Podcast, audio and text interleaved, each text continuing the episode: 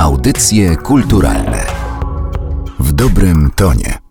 Przed mikrofonem Magdalena Miszewska. Zapraszam na kolejny odcinek audycji kulturalnych, a dziś jest ze mną Łukasz Czajka, reżyser filmu o zwierzętach i ludziach. Cześć. Cześć. Filmu, który opowiada historię, wydaje mi się, że dosyć znaną, tak mi się wydawało, zanim porozmawiałam ze znajomymi o tym, że taki film jest i okazało się, że wcale jeszcze nie wszyscy wiedzą o tym, że w warszawskim zoo dyrektor jego żona, czyli Jan i Antonina Żabińscy podczas II wojny światowej ukrywali Żydów, którzy uciekali z getta też między innymi dzięki ich e, pomocy, więc e, myślę, że sporo osób może być zainteresowanych poznaniem tej historii i w tym właśnie pomoże twój film dokumentalny. Zanim o tym, e, co w filmie i jak film powstawał i jakie zdjęcia tam się znalazły, to może właśnie przypomnijmy albo opowiedzmy tym, którzy tej historii nie znają, jak to w ogóle było. Jan Żabiński, czyli człowiek, który przed wojną został dyrektorem warszawskiego zoo i jego żona Antonina, która mimo, że wcześniej niespecjalnie znała się na na zwierzętach, e, stała się ich e, bardzo dobrą opiekunką i razem to zoo tworzyli od początku. Oni się poznali w Szkole Głównej Gospodarstwa Wiejskiego, Jan tam wykładał, ona była archiwistką, wpadli sobie w oko, wzięli ślub, Antonina była drugą żoną Jana, pierwsza umarła, przeprowadzili się, raczej Antonina przeprowadziła się do Jana, który już od y, jakiegoś czasu był dyrektorem zoo warszawskiego, drugim dyrektorem po zmarłym nagle Wenantym Burdzińskim. Okazało się, że pani pani Antonina, która nie ma tego doświadczenia y, pracy ze zwierzętami, okazało się, że jest bardzo dobrą pielęgniarką zwierząt, opiekunką zwierząt. Ta miłość do zwierząt, która się w niej dosyć y, szybko narodziła, spowodowała, że jej syn, który przyszedł na świat, y, dostał na imię Ryś od rysiczek, które wychowała i uwielbiała pani Antonina. I oni w tych latach 30.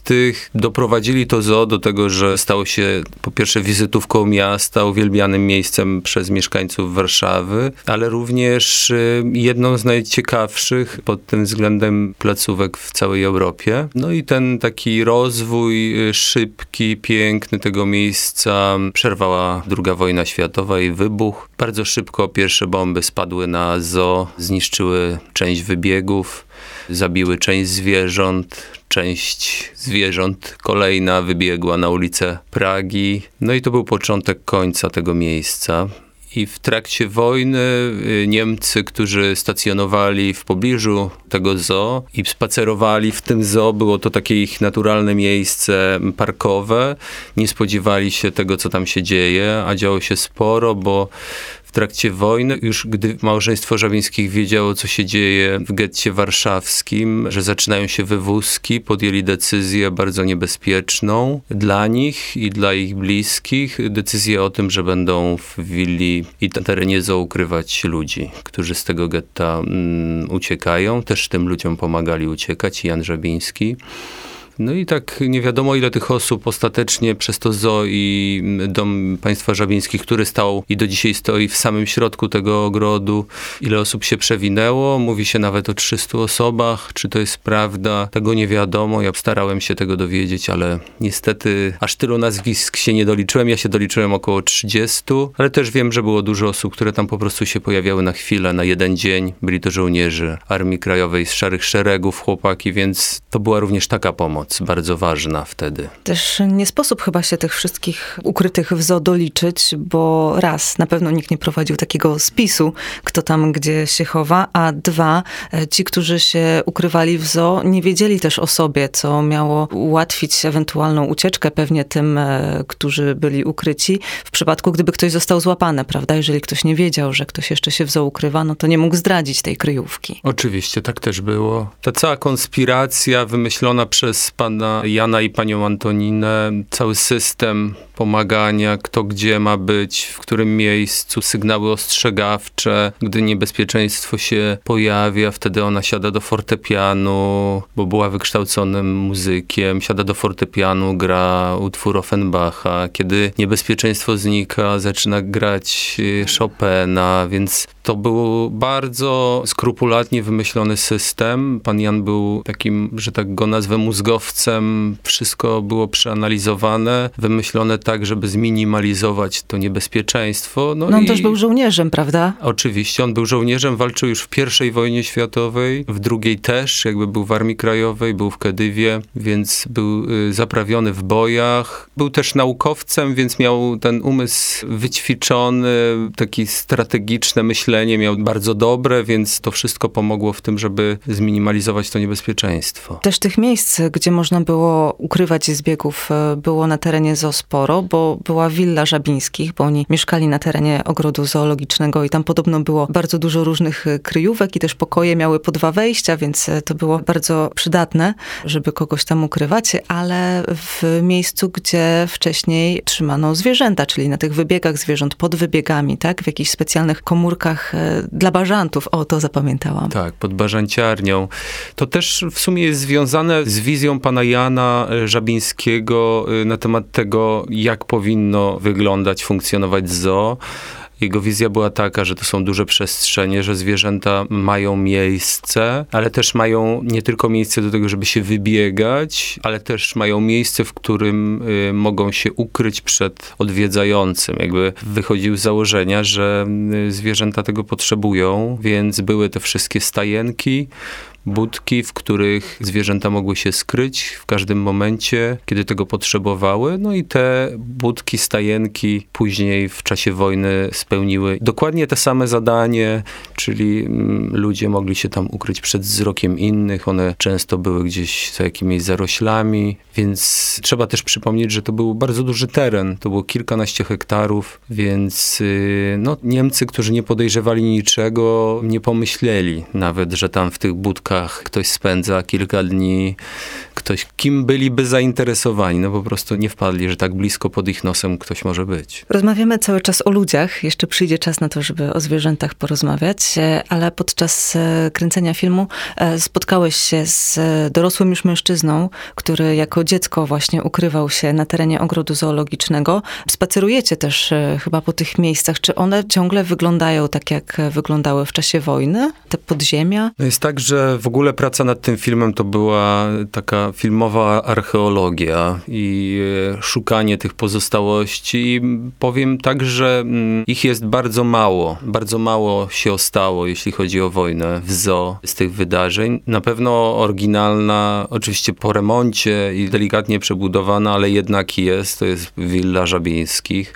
Ona stoi, są te piwnice, te szafy takie w ścianach, które też ukrywały ludzi w trakcie wojny, więc y, willa jest, zostały dwa budynki przedwojenne, a wszystko inne jest nowe, więc tak naprawdę szukając y, tych miejsc y, trochę byliśmy zawiedzeni, no ale próbowaliśmy oddać jednak tą atmosferę tego zagrożenia, tego co było w trakcie wojny. To skoro już mówimy o tym, e, że to była taka archeologia, e, film składa się z wielu różnych rodzajów zdjęć, bo są i zdjęcia archiwalne z warszawskiego zoo i okolic. Są też e, zdjęcia z innych miejsc, które mają e, pokazać nam, jak to wszystko mogło wyglądać w warszawskim zoo. Są zdjęcia, które trzeba było zrobić współcześnie. Dlatego podejrzewam, że tych archiwaliów było tak mało. I czy ty, e, zabierając się w ogóle za ten film na samym początku, wiedziałeś, że będzie tak mało tych materiałów historycznych? Czy ja powiem tak, że w sumie byłem zaskoczony, że ich jest aż tyle. No kilka takich pereł jednak było, o których nie wiedziałem, podejrzewałem, że może są, bo pisała o tym innymi pani Antonina.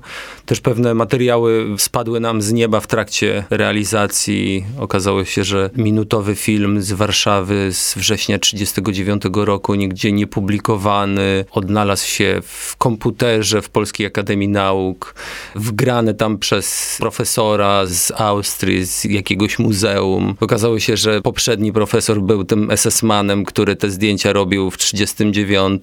No i te zdjęcia, w których widzimy warszawskie zoo z 39 z września już takie trochę sponiewierane, więc jednak trochę się udało, ale oczywiście nie było też tak, co oczywiste, że w czasie wojny ktoś był w zoo i kręcił warszawskie zoo, no więc musieliśmy się posiłkować jakby różnymi metodami, by oddać ten czas. Jest też ten fragment filmu, który pokazuje córkę Żabińskich, kiedy była jeszcze małym dzieckiem, która również opowiada historię swoich rodziców w filmie o zwierzętach i ludziach i która po raz pierwszy dzięki wam zobaczyła ten film, ten archiwalny. To był w ogóle po pierwsze wyjątkowy materiał. Ja o tym materiale przeczytałem w książce pani Antoniny Ludzie i Zwierzęta. Ona tam pod koniec książki pisze, że po wojnie przyjechał Władysław Forbert z Kroniki Filmowej Polskiej i nagrywał na kamerę to, co się dzieje w zoo.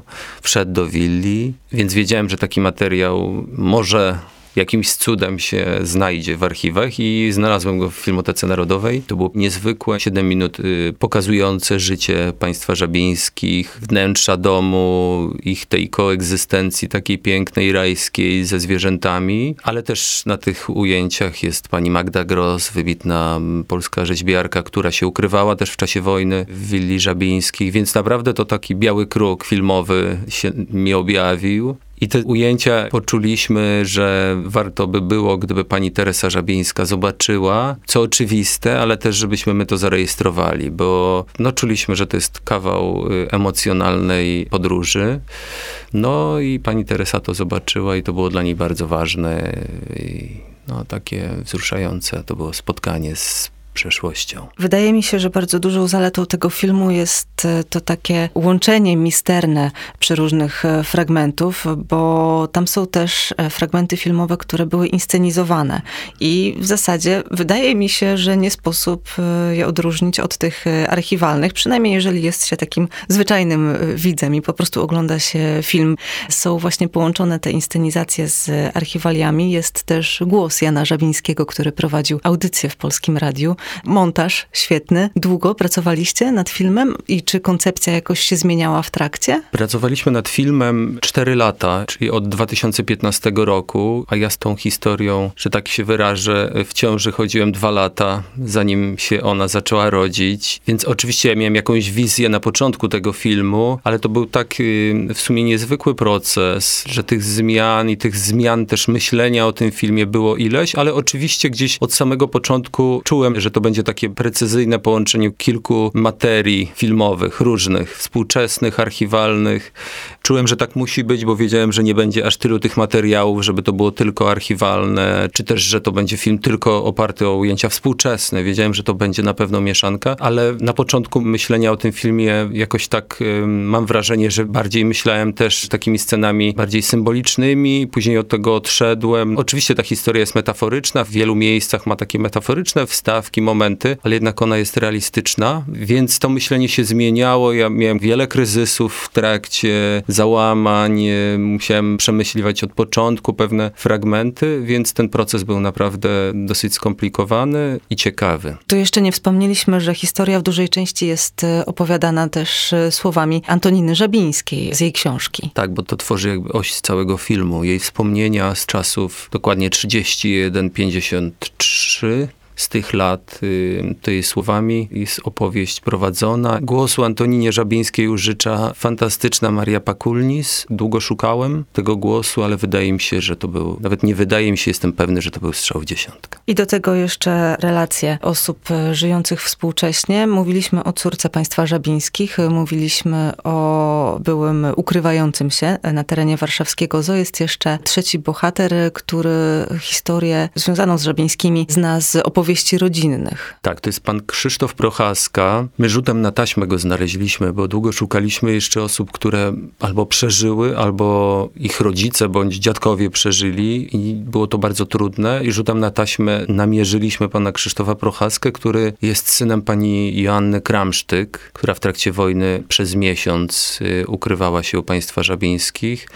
Ona była nastoletnia, była młodą dziewczyną, sama w Warszawie. Jej rodzice się ukrywali pod Warszawą. Jej tata jako ostatnią deskę ratunku jej polecił, żeby się zgłosiła do pana Żabińskiego i że on na pewno jej nie odrzuci. I tak się stało. Ona przyszła do zoo, nie mogła też być tam cały czas, bo państwo żabińscy mieli gosposię, której nie wprowadzili w tę całą konspirację, bo bali się, że może ich zadenuncjować. Pani Joanna Kramsztyk przychodziła wieczorem, spała, rano przed przyjściem gosposi wychodziła i to trwało przez miesiąc. I jeszcze wrócę do pana Moshe Tirosza, bo to jest y, ten chłopiec, który się ukrywał w czasie wojny, miał wtedy 5,5 roku, był z siostrą 3,5-letnią, Stefcią i z rodzicami. No i to jest y, ocalały, który do dzisiaj żyje i ta historia w nim też nadal żyje. I jest on bardzo wdzięczny państwu żabińskim do dzisiaj.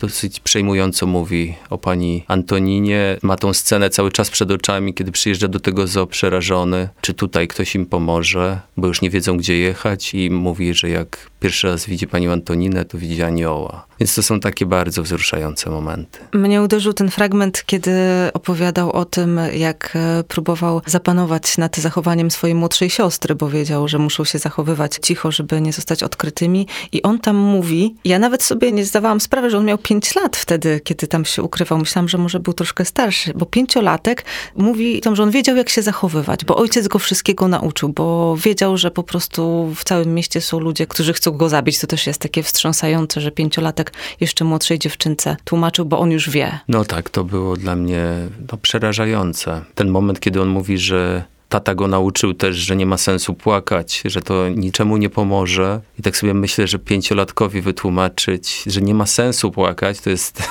i pięciolatek to rozumie, że żyje w czasach, w których on to rozumie no niesamowite, jak y, te dzieci musiały szybko dorastać. Dla mnie to jest przerażająca historia. Ten moment, te wspomnienie pana Moshe, jest to taka przerażająca historia i też tym bardziej jest to takie ważne, że w tej jego opowieści, którą widzimy na ekranie, że czuć, że on dalej to pamięta. I mimo tego, że to jest opowieść o wstrząsających e, wydarzeniach, to ona jakoś tak przebiega tak całkiem zwyczajnie. To też trochę jest, e, jak się nad tym zastanowić, samo w sobie wstrząsające, że oglądamy zwyczajną historię zwyczajnych ludzi, którzy po prostu przyjęli kogoś do siebie pod opiekę, bo w zasadzie, no bo uważali, że tak trzeba i nawet tutaj chyba nie było dłuższego zastanawiania się i to jakoś samo to wszystko się zaczęło dziać i tych ludzi zaczęło się pojawiać coraz więcej, bo najpierw pomagali swoim znajomym, a potem, no wiadomo, że wieść się niosła, to tych e, chętnych, żeby się ukryć e, było więcej i zawsze mnie to zaskakuje, że przy takich bohaterskich czynach to wszystko jest takie po prostu zwyczajne. I oni tak zrobili, no bo tak. Nie ma nawet wytłumaczenia. No przecież jak mogli tego nie zrobić? Taką teorię mój przyjaciel, który mi opowiedział tę historię, Janusz Owsiany, warszawianista, pod którą się chyba podpisuje, to że to takie wychowanie przedwojenne. Czyli, że jak jest ktoś, kto potrzebuje pomocy, to nieważne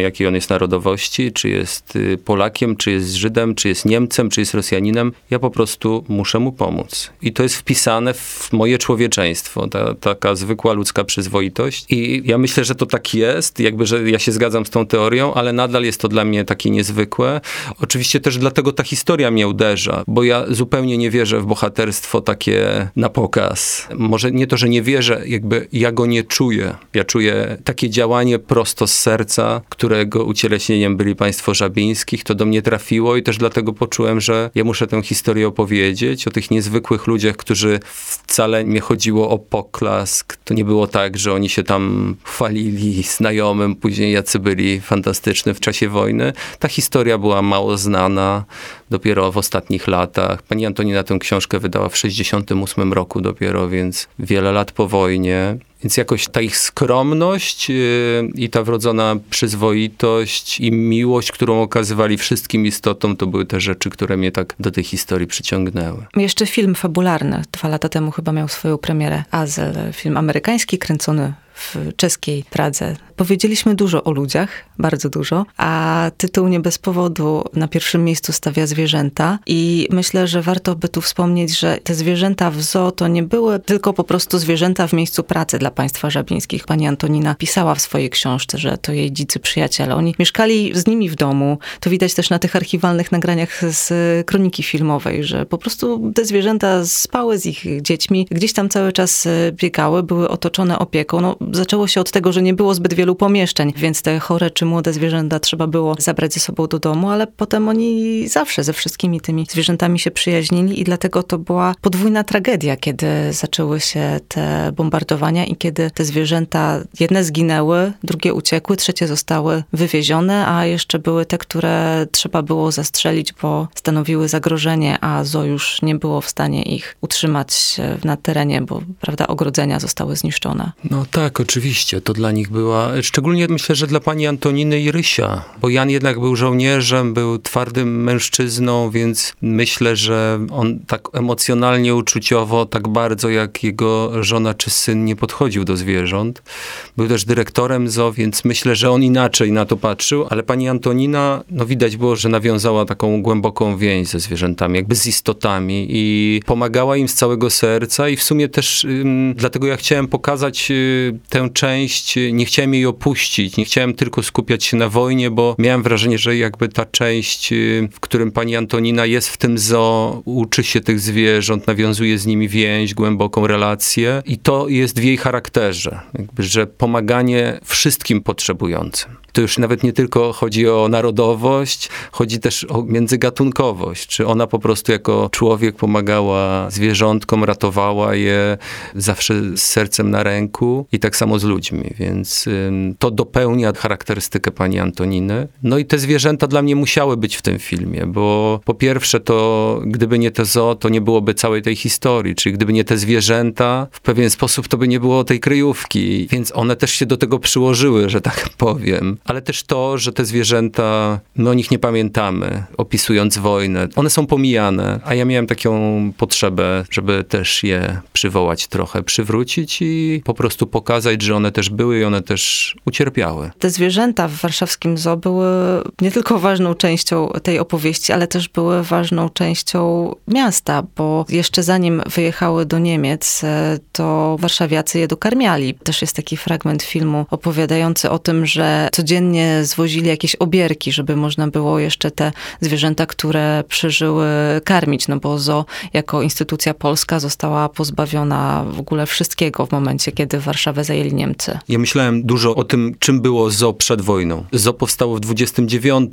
Polska 10 lat miała swoją państwowość, była niepodległym krajem, więc w tym kraju naprawdę brakowało wszystkiego w tamtym czasie. I to ZO było bardzo ważne, jeśli chodzi o jakąś rozrywkę, o jakieś jakieś zapomnienie tych braków wszystkich, które gdzieś na co dzień ludzie posiadali. To było miejsce wyjątkowe. Jakby tych rozrywek było mało w tamtym czasie przecież, więc... Też powód do dumy wydaje mi się, że mógł to być wielu mieszkańców. Myślę, że na pewno. Ja w ogóle miałem takie spotkanie, pokazywałem ten film y, warszawskim powstańcom i jedna z pań wzruszona bardzo po filmie mi dziękowała i mówiła, że bardzo ważny też ten jest film dla niej, dlatego, że ona pamięta słoniczkę Tuzinkę, że ona chodziła do zoo i ona pamięta tą słoniczkę i właśnie mówiła, że to było dla nich bardzo ważne miejsce. Starałem się też to oddać, tą taką radość, które to miejsce niesie, te zwierzęta, które niosą mieszkańcom Warszawy przed wojną. To jeszcze na koniec muzyka. Marcin Masecki. Człowiek bardzo zajęty, ale udało się. Tak, ja w sumie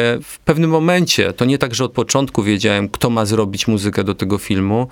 Jakoś w pewnym momencie poczułem, że byłoby w ogóle fantastycznie, gdyby to był Marcin. I się się z nim umówiliśmy na spotkanie i właśnie powiedział, że jest bardzo zajęty, zastanawiał się, ale powiedział, że chce to zrobić i w sumie tylko raz się widzieliśmy. Ja w ogóle bardzo starałem się intuicyjnie pracować przy tym filmie i wierzyć moim współpracownikom, też ich tak dobierać, żeby nie zastanawiać się, czy oni dobrze zrobią swoją pracę, po prostu mieć obok ludzi, którzy włożą w to swoje umiejętności i serce. I na tym jednym spotkaniu z Marcinem tylko ustaliliśmy, że ja mu ufam, a on zrobi to najlepiej jak potrafi. No i jak zaczął dosyłać tą muzykę, to przekroczyło to moje w sumie przewidywania, moją fantazję na jej temat. I ja jestem w niej zakochany i jestem mu bardzo wdzięczny, że tak przepięknie, nawet nie uzupełnił, on ją dopełnił. Ta muzyka w niektórych miejscach w ogóle wychodzi na pierwszy plan, więc no to fantastyczna robota. Zachęcamy w takim razie do sprawdzenia na własne oczy i uszy. O zwierzętach e, i ludziach. Film współprodukowany przez Narodowe Centrum Kultury. Film dokumentalny, można go już e, oglądać, a moim gościem był e, reżyser Łukasz Czajka. Dziękuję bardzo. Dziękuję bardzo. Audycje kulturalne W dobrym tonie.